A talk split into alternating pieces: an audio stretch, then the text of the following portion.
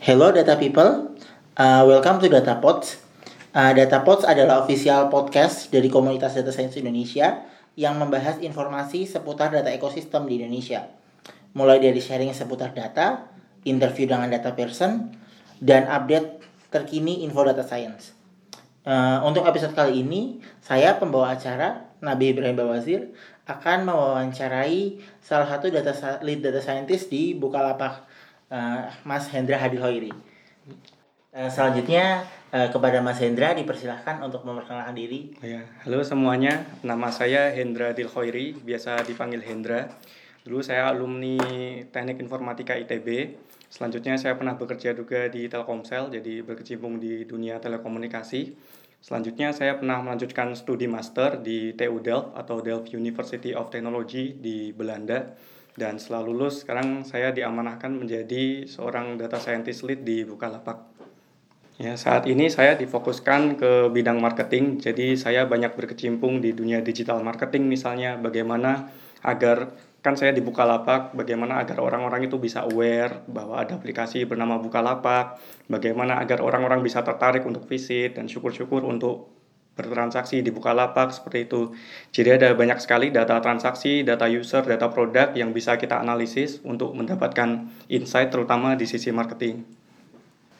Pada kesempatan kali ini, Mas Hendra akan menjelaskan aplikasi semi supervised learning di dunia retail ya, khususnya e-commerce. Okay. Uh, eh, Mas Hendra bisa dijelaskan nggak semi supervised learning itu apa? Oh, jadi kan ini konteksnya di suatu machine learning ya. Jadi misalnya kita ingin develop suatu model atau classifier untuk classification problem atau regression problem. Biasanya kan learning dari suatu dataset. Nah, ada beberapa pendekatan yang biasa dikenal. Yang pertama yaitu supervised learning, yaitu learningnya berasal dari suatu dataset yang sudah punya label atau disebut labeled dataset. Ada juga pendekatan unsupervised learning, yaitu learningnya dari suatu dataset yang tidak memiliki label atau unlabeled dataset. Biasanya ada dua ini yang terkenal, padahal ada satu lagi di tengah-tengah, yaitu namanya semi-supervised learning, di mana ini suatu teknik yang memanfaatkan label dan unlabeled dataset untuk membuat suatu model yang lebih bagus, lebih akurat dengan performansi yang lebih bagus, dibandingkan jika hanya menggunakan label dataset saja atau unlabeled dataset saja seperti itu. Uh, Mas Hendra, uh, kalau sekarang uh, ini perkembangan semi supervised learning itu sudah seperti apa ya? Oh iya, semi supervised learning itu awalnya muncul karena suatu masalah. Masalahnya itu dalam machine learning bisa jadi kita punya label dataset dan label dataset itu terbatas karena di satu sisi mendapatkan dataset itu mudah, hanya mengekstrak gambar, mengekstrak produk seperti itu mudah. Hanya saja yang susah adalah melabeli. Ada ada kalanya kita membutuhkan human annotation atau survei, misal melalui crowdsourcing, melalui mechanical turk atau crowdflower, di mana itu membutuhkan suatu cost. Dan jika harus digunakan untuk melabeli dataset yang sangat besar, tentu costnya akan sangat besar. Bisa jadi juga labelnya harus dilakukan oleh expert misalnya. Ada seorang ahli di bidang tertentu yang lebih bagus untuk memberi label, tidak bisa dilakukan oleh sembarang orang. Maka dari itu, melabeli dataset itu adalah sesuatu yang kadang membutuhkan effort yang lebih besar. Oleh karena itu, semi-supervised learning memanfaatkan dataset yang tidak dilabeli, karena teorinya semakin banyak data yang kita miliki, maka akan semakin bagus juga performansinya dibandingkan jika kita hanya menggunakan label dataset saja, sedangkan unlabeled dataset ini nanti tidak digunakan. Maka dari itu banyak para ilmuwan atau literatur yang mendalami semi-supervised learning ini. Bagaimana cara memanfaatkan unlabeled dataset yang dimiliki untuk mengembangkan performansi classifiernya seperti itu. Uh, Mas Hendra, uh, kalau di dunia bisnis secara iya. umum yeah. ya, yeah. uh, masalah-masalah bisnis seperti apa sih yang bisa diselesaikan dengan semi supervised learning itu? Oh, Oke, okay. kita ambil konteks di suatu e-commerce ya. Ini saya beri beberapa contoh walaupun nggak semuanya diimplementasikan di Bukalapak saat ini karena ada banyak sekali dataset yang bisa diambil di Bukalapak. Misalnya dataset berupa image. Kita punya banyak sekali image di Bukalapak mulai dari produknya misalnya itu ada bermacam-macam kategori, bermacam-macam objek, kondisi dan sebagainya. Jadi bisa kita gunakan untuk mengklasifikasi suatu image atau produknya. Misalnya brandnya apa, ada watermarknya atau tidak, barangnya bekas atau baru, ada kerusakan atau tidak, seperti itu. Untuk melakukannya biasanya diperlukan label dulu kan. Kita harus tahu image mana saja yang rusak atau image mana saja yang bagus, seperti itu. Itu dibutuhkan suatu human annotation misalnya dan karena tidak mungkin melabeli semuanya, jadi bisa kita labelin sebagian dan sisanya kita gunakan semi supervised learning untuk melabelinya. Dan bisa juga contoh lain misalnya produk itu sendiri tidak harus dari image, bisa dari title-nya atau dari description-nya dan labelnya tidak hanya berupa produk apa, tapi bisa juga tagnya apa, kualitasnya seperti apa, benda apa produk ini menarik atau tidak untuk dibeli, produk ini berbahaya atau tidak seperti itu misalnya. Bisa juga dengan teks analisis yang lain seperti melihat customer review atau produk review, kita bisa melihat sentimen analisisnya, topiknya, relevan dengan produknya atau tidak, dan juga bisa dianalisis NLP dan sebagainya. Ada banyak sekali teknik yang bisa digunakan dan banyak sekali dataset yang bisa diterapkan untuk meningkatkan performa machine learningnya. Uh, Mas Hendra, uh, cara kerja dari semi supervised learning ini seperti apa ya? Oh iya, di beberapa beberapa literatur itu cara kerjanya menggunakan suatu asumsi dulu. Jadi berdasarkan suatu asumsi, di mana jika salah satu asumsi ini dipenuhi, berarti bisa dilakukan semi supervised learning. Yang pertama yaitu cluster assumption, yaitu bahwa data yang memiliki label yang serupa atau sama itu biasanya berkumpul di suatu cluster. Jadi nanti jika menggunakan clustering misalnya dalam satu cluster bisa jadi itu memiliki label yang sama. Yang kedua ada juga continuity assumptions di mana suatu instance atau objek yang berdekatan atau distance yang kecil seperti itu cenderung memiliki label yang sama. Jadi biasa digunakan graph base itu untuk melihat bahwa dua instance yang berdekatan itu asumsinya labelnya mirip. Jadi tinggal dilabelin aja sekitarnya gitu. Ada juga yang ketiga yaitu manifold assumption, yaitu dalam dataset yang kita miliki ini biasanya kalau fiturnya sangat banyak, kita bisa melakukan suatu feature reduction, misalnya menggunakan PCA. Jadi unlabeled dataset bisa dimanfaatkan untuk melakukan feature reduction. Setelah itu, setelah fiturnya menjadi sedikit, bisa kita manfaatkan label datasetnya. Dan ini juga sama dengan teori curse of dimensionality bahwa semakin banyak fitur, ada suatu saat di mana jika fiturnya sudah terlalu banyak, akurasinya justru menurun karena setiap instansi itu jaraknya semakin sparsity-nya tinggi gitu. Jadi saling berjauhan. Nah, tekniknya bagaimana untuk melakukan semi supervised learning? Ada beberapa pendekatan, ada banyak sekali malah. Di sini saya coba berikan beberapa sampel. Yang pertama, yang paling naif dan mudah dilakukan yaitu self learning. Yaitu label dataset kita itu kita kita learning dulu menggunakan salah satu classifier. Ini classifier apa pun bisa digunakan, algoritma apa pun bisa digunakan, mulai dari linear, mulai dari KNN atau neural network atau SVM, semua bisa digunakan. Jadi label dataset kita digunakan untuk membuat suatu classifier. Selanjutnya, classifier ini dipakai untuk memprediksi dataset yang belum dilabeli. Jadi unlabeled datasetnya jadi punya label sekarang. Dan biasanya punya nilai confidence Nah, yang confidence-nya besar itu kita masukkan ke dalam label dataset dengan asumsi bahwa instan-instan tersebut labelnya udah benar menggunakan classifier yang tadi. Nah, sekarang label dataset kita semakin besar, kita ulangi lagi, kita buat classifier lagi, lalu kita learning lagi ke unlabeled dataset yang tersisa, dan seterusnya. Bisa juga melakukan heuristic ketika classifying instansi yang labelnya ternyata tidak sesuai, kita exclude dari label dataset. Jadi kita lakukan terus seperti itu sampai convert.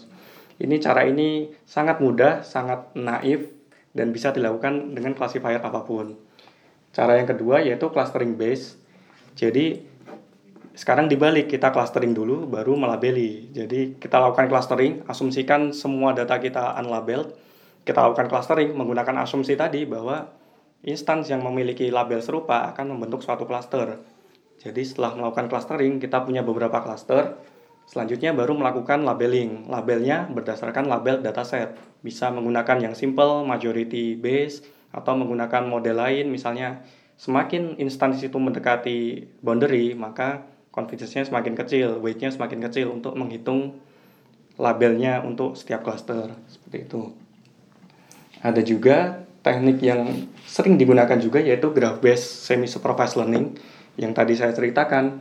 Di sini node dari suatu graph itu merepresentasikan objek atau instance dari di dalam data set tersebut sedangkan edge-nya itu menjadi distance atau menjadi distance antara dua objek. Semakin dekat dua objek tersebut maka edge-nya semakin besar value-nya semakin besar misalnya label label propagation atau label spreading yang di scikit-learn itu bisa digolongkan sebagai graph based semi supervised learning juga dan yang terakhir yang mau jelas, saya jelaskan yaitu generative semi supervised learning.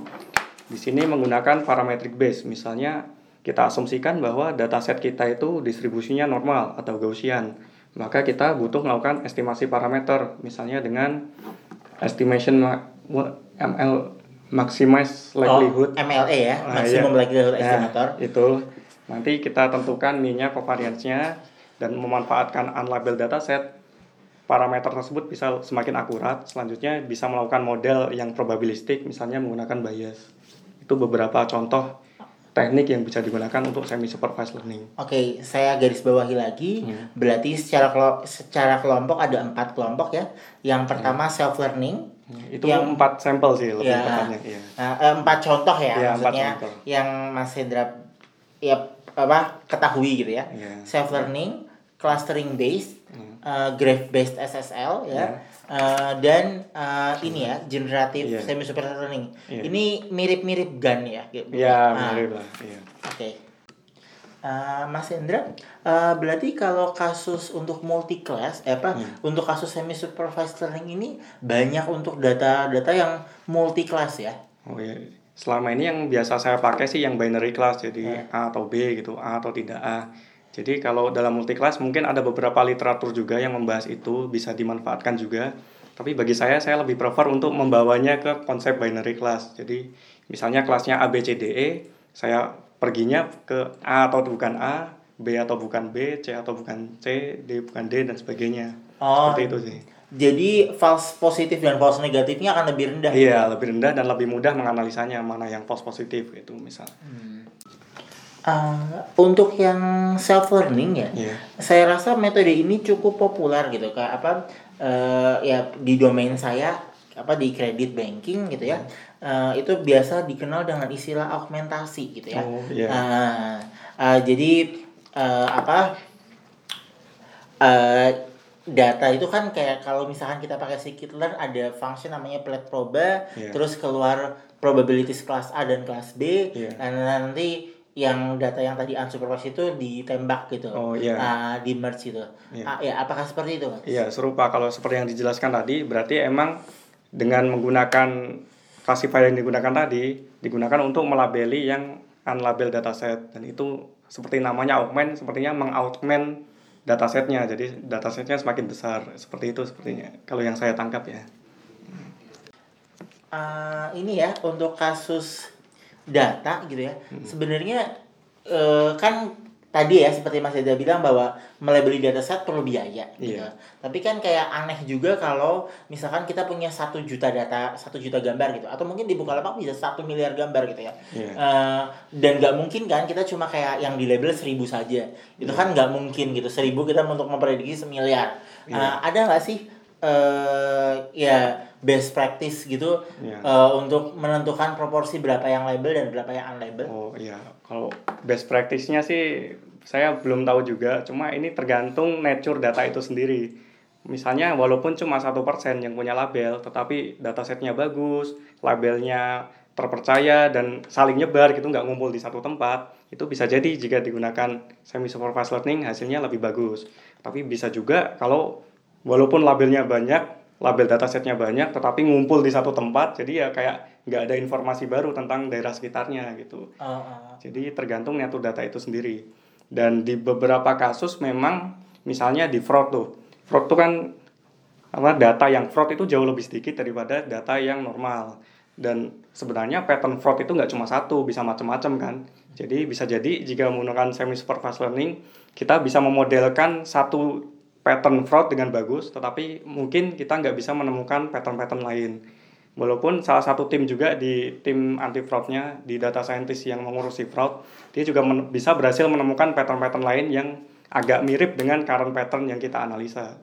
Jadi emang tergantung metode datanya seperti apa yang dimiliki. Jadi untuk berapa proporsi yang bagus itu debatable lah itu tergantung metode datanya itu sendiri.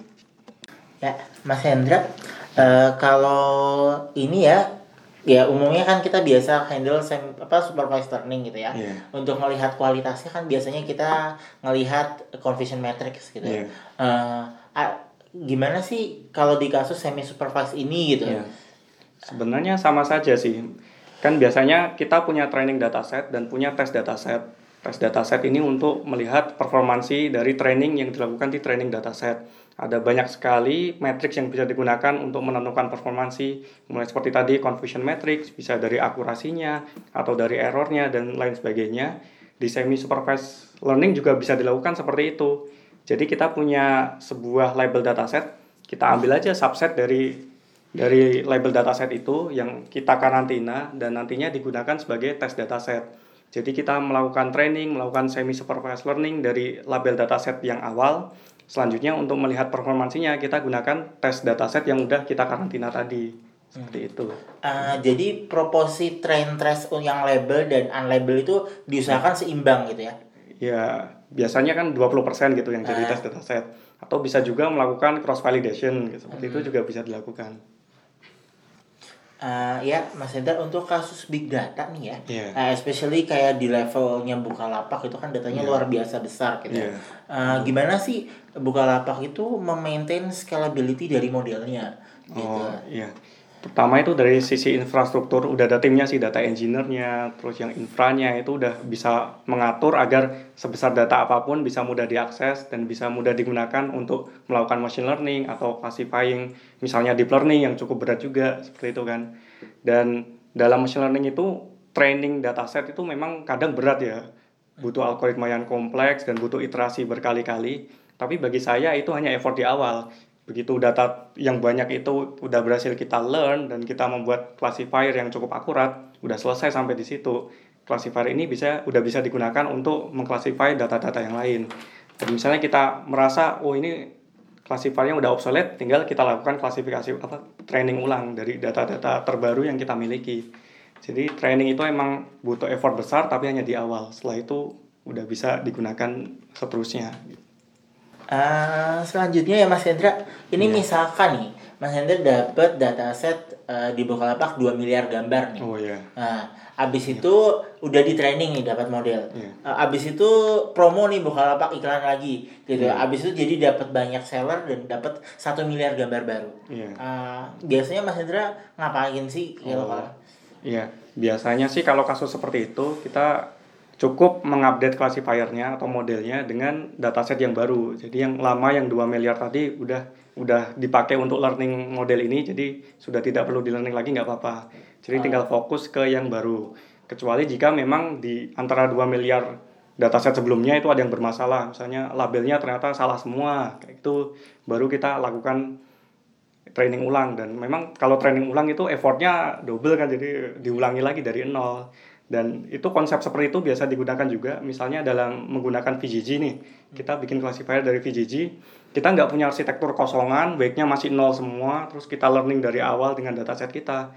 Tetapi biasanya weight dari node-node di dalam deep learning di dalam VGG ini udah ngambil dari yang dataset sebelumnya yang sudah pernah di learn itu uh, konsepnya seperti itu. VGG itu dari mod dari library apa ya? Oh biasanya kalau saya kurang tahu yang di bagian buka lapaknya karena ada hmm. tim sendiri AI. Cuma kalau saya biasanya pakai keras hmm. karena udah ada udah banyak yang pakai itu juga, udah tersedia apa skeletonnya gitu, tinggal dipakai, tinggal dipakai untuk learning. Jadi gitu. pertama pakai VGG, yeah. setelah itu misalkan yang 2 miliar di training pakai VGG yeah. ini, yeah. terus mungkin sudah deploy jalan gitu ya, yeah. terus kayak next quarter dapat satu miliar lagi, yeah. biar transfer learning seperti itu ya, yeah. dengan satu miliar data baru. Yeah. Uh, Mas Hendra, uh, kalau ini ya, uh, ini kan uh, secara hypothetically ya, secara yeah. science, yeah. uh, semi supervised ini bisa meningkatkan kualitas model dibandingkan yang supervised learning biasa gitu. Yeah. Tapi secara praktek gitu ya, Uh, menurut Mas Hendra sendiri gimana sih? Oh, iya. Kalau teorinya asal memenuhi salah satu dari asumsi yang tadi, seharusnya biasanya performasinya bakal meningkat. Dan saya sendiri pernah membuktikannya juga, tapi hanya di salah satu kasus sih. Saya dulu pernah kuliah machine learning, itu ada kompetisi Kaggle, tapi Kaggle in class, jadi hanya orang sekelas saja yang bisa ikut Waktu itu saya tidak memikirkan menggunakan semi supervised learning, saya menggunakan grid search misalnya mencoba berbagai classifier, saya coba klasifikasi. Oh ya, waktu itu problemnya adalah memprediksi gaji seseorang, tapi di US sepertinya berdasarkan berbagai fitur yang diberikan di Kaggle itu, seperti pekerjaan, gender, umur dan sebagainya. Regresi ya kasusnya ya. Ini klasifikasi sebenarnya oh, di bawah 50 ribu dolar atau di atas 50 ribu dolar. Jadi menggunakan supervised learning biasa, saya mendapat akurasi sekitar 0,84 dan waktu itu di ranking 17 jauh sekitar mungkin berapa ya 50 orang apa ya hmm. yang ikut. Tapi saya agak lupa berapanya. Cuma di ranking 17 dan selanjutnya saya kepikiran oh ini kan kita diberikan tes dataset nih di Google ya. Kenapa nggak kita manfaatkan juga? Jadi saya coba menggunakan semi supervised learning. Jadi tes datasetnya saya pakai juga untuk melakukan learning. Dan akhirnya akurasinya bisa meningkat drastis dari 0,84 menjadi 0,86 dan itu menjadi ranking pertama. Jadi emang dalam kasus tersebut signifikan sekali dalam penggunaan semi supervised learningnya. Dan semuanya ini emang tergantung dari network data itu sendiri. Uh, ya, uh, Mas Hendra, tadi kan secara asumsi ada tiga ya, yeah. Iya. uh, cluster assumption, continuity assumption dan manifold assumption gitu. Yeah. Uh, jadi ketika salah satu asumsi itu dipenuhi, hmm. maka semi supervised learning itu cenderung lebih baik daripada oh. supervised learning. Iya, secara garis besar iya begitu, tetapi belum tentu juga tergantung dengan asumsi mana dan teknik mana yang digunakan. Oh. Kalau itu nggak matching, berarti nggak cocok juga gitu. Misalnya asumsinya cuma continuity, padahal dia tidak cluster assumptions. Kalau kita menggunakan clustering base, terus kita cluster berarti kan satu cluster belum tentu labelnya sama kan. Jadi hasilnya tidak menjadi lebih bagus. Jadi misalnya kalau ada cluster assumption di situ mungkin bisa lebih bagus digunakan clustering base atau self learning hmm. kalau misalnya ada continuity assumption bisa digunakan graph base seperti itu. Dan juga misalnya kalau mau menggunakan generatif model dan kita asumsikan distribusinya normal padahal datanya nggak distribusi normal tentu saja hancur hasilnya. Jadi harus sesuai juga dengan asumsi harus dicocokkan dengan teknik yang digunakan. Uh, ini ya pertanyaan terakhir. Uh, prospek semi supervised learning itu gimana ya ke depannya gitu? Ini teorinya sih ketika kita punya dataset dan label datasetnya udah cukup besar, semi supervised learning udah nggak perlu digunakan. Masalahnya kan selama ini masih banyak tuh kasus yang membuat label dataset itu terbatas seperti menggunakan human annotation tadi atau menggunakan expert pokoknya ada banyak sekali dataset yang label datasetnya terbatas. Sedangkan yang ada label dataset mudah sekali untuk diekstrak misalnya. Untuk karena itu semi supervised learning ini sepertinya masih akan sering dibutuhkan dan bisa terus dikembangkan. Dan ada banyak juga pihak atau kumpulan mahasiswa gitu mencoba meningkatkan performansinya juga atau menemukan teknik-teknik lain walaupun biasanya hanya kombinasi aja sih Selanjutnya ada juga saya pernah baca suatu literatur yang menyatakan bahwa semi supervised learning ini digaransi akan memberikan performansi yang lebih bagus daripada supervised learning. Asalkan seperti yang saya sampaikan tadi, asumsinya benar dan teknik yang digunakan benar gitu. Dan dari sisi teknikalnya sendiri, kalau bagi saya sih teknik-teknik yang saya sebut tadi sebenarnya udah cukup untuk main-main gitulah untuk meningkatkan performansi classifiernya tapi bisa jadi menemukan teknik lain yang bisa lebih menarik atau lebih efektif lah untuk meningkatkan performansinya. Uh, ya, uh, terima kasih Mas Hendra. Ya tadi bisa bisa disimpulkan gitu ya. Uh, untuk semi supervised learning uh, ada tiga kelompok asumsi yaitu cluster assumption, continuity assumption dan manifold assumption gitu yeah. ya.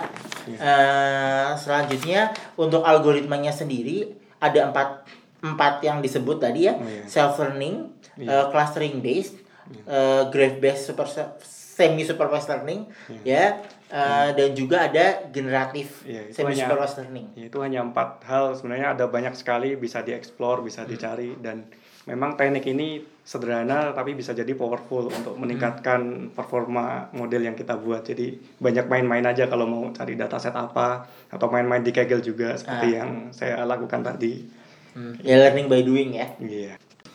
Iya, uh, terima kasih bagi yang sudah mendengarkan data pot kali ini. Uh, buat yang ingin memberi saran masukan atau data person yang bisa kita ajak wawancara, uh, bisa email kita di datapods ya d a t a p o d s at datascience.org.id. Terima kasih.